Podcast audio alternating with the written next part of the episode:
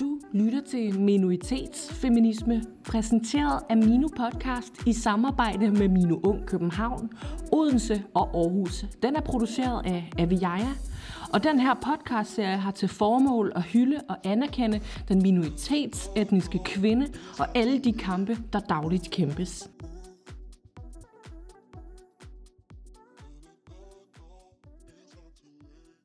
Hej, mit navn er Susanne Skærbæk Pedersen. Jeg er gift og mor til tre skønne blandede børn. Jeg er selv blandet med en nigeriansk mor og en øh, dansk etnisk far. Og derudover der er jeg journalist og næstforkæmper i foreningen Talud, som er en antiracistisk øh, forening. I forbindelse med markering af kvindernes internationale kampdag, så ønsker jeg at sætte fokus på racisme og så den betydning, som den har for minoritetskvinder – deres selvforståelse, og, og ikke også mindst for, hvilken betydning den har for alle andre. Og det vigtige er, at vi må ikke lulle os ind i en eller anden selvforståelse af, at slaget det er tabt på forhånd, og at vi, vi har det jo godt nok, if it ain't broken. Og det er også rigtigt. Danmark er et fantastisk land. Der er fokus på menneskerettigheder, lige rettigheder og ligeværd. Og i Danmark er jeg født, og her har jeg også hjemme. Her har mine børn hjemme, og her vil jeg dø. Men så længe jeg lever, så vil jeg også kæmpe for, at Danmark og danskere dag for dag bliver en bedre version af sig selv. Fordi racismen sker stadig i det skjulte og i det åbne og i vores hverdag. For minoritetskvinder er kampen dobbelt. Kvinder udsættes for både sexisme og racisme på samme tid. Vi møder racismen i sådan nogle negative stereotyper om eksotiske kvinder. Og hos Talud så hører vi kvinder fortælle om, at de bliver spurgt, hvad koster du? Og smager du også af chokolade? Og ord som og vendinger som min lille slavepige. Og kvinder, som er adopteret, som ikke tør gå med deres far på gaden af frygt for, at andre mistolker, at faren har hentet hende, en ung brud i Østen. På arbejdsmarkedet skal vi ikke kun kæmpe mod diskrimination som minoritet, hvor man hellere ansætter Anja end Aisha, men også mod et system, som favoriserer mænd, og det ses på lønskalaen. Derfor vil og skal antiracisme altid være en naturlig del af feminismen og af kvindekampen. I hvert fald, hvis man vil have alle med. Leave no one behind. Alt for længe har vi stiltigende accepteret racistisk adfærd og bemærkninger som noget vi gør, eller det er bare noget man siger – og præcis som MeToo-bevægelsen og sexisme-debatten herhjemme, så handler racismen om magtforhold. Sexisme-debatten har i høj grad bidraget til, at vi ikke længere uden videre accepterer en kultur, hvor sexistiske bemærkninger affejes med, det er bare for sjov. Men der gik lang tid herhjemme. Siden Shubidua sang, vi finder os ikke i sexchikane i starten af 90'erne. Og mens MeToo rullede ud i hele verden i 2017, så skulle der gå yderligere tre år, før Danmark og danskere trådte til handling, for anledet af Sofie Linde.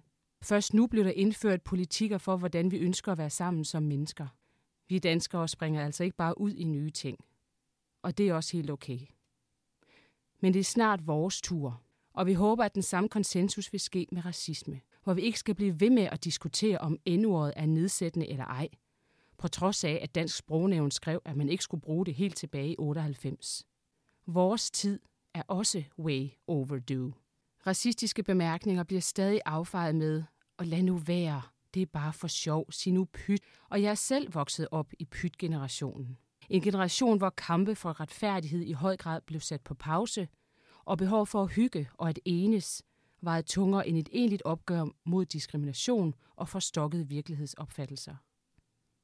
Mor, jeg er ikke dansk. Og jeg husker stadig, hvordan de ord de brændte sig ind i min bevidsthed.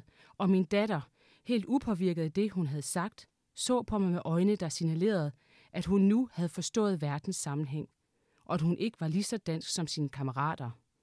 Og jeg blev ked af det, og sur, og skuffet. Ked af det, fordi min datter ikke skal tro, at hun er mindre værd eller en mindre del af fællesskabet i en alder af fem år. Sur, fordi der ikke var en pædagog i rummet, der rettede hendes opfattelse af verden. Og skuffet over, at jeg ikke havde set det komme. At jeg havde lullet mig ind i en opfattelse af, at alt det racistiske, jeg oplevede som barn, ville mine børn ikke opleve. Fordi vi er blevet klogere. Og det er vi. Men vi har ikke ageret på den viden, vi har opnået endnu. Racismen er her i vores hverdag, og den skal gribes ved rødderne hos de nye generationer, så flere børn ikke skal genopleve det, vi gjorde. Derfor kæmper vi, tre kvinder i Talud, imod at racismen får tag i endnu en generation. Ikke flere børn skal råbes efter i sportskampe eller i skolegårdene. Hos Talud giver vi alle et rum for at tale ud om de oplevelser med racisme, de får, og vi møder dem med forståelse, kærlighed og redskaber til at være i det, frem for pyt. George Floyds tragiske mor skete for snart et år siden. Det var den 15. maj 2020, hvor 8 minutter og 46 sekunder forandrede verden. Han stod åbnede øjnene for mange. Mange af os, som havde slugt så mange racistiske slag, at arne var så dybt begravet, at de ikke kunne ses på overfladen. Men med We Can't Breathe sprang de op. Spørgsmålet er nu, did you heal, og did you force yourself to forget? Altså helede du, eller tvang du dig selv til at glemme? Hos Talud holder vi fast, fast i forandring, indtil den kommer. Også inden for racismen, fordi det vil ske, og vi håber, I vil kæmpe med os. God international kampdag, kære kvinder.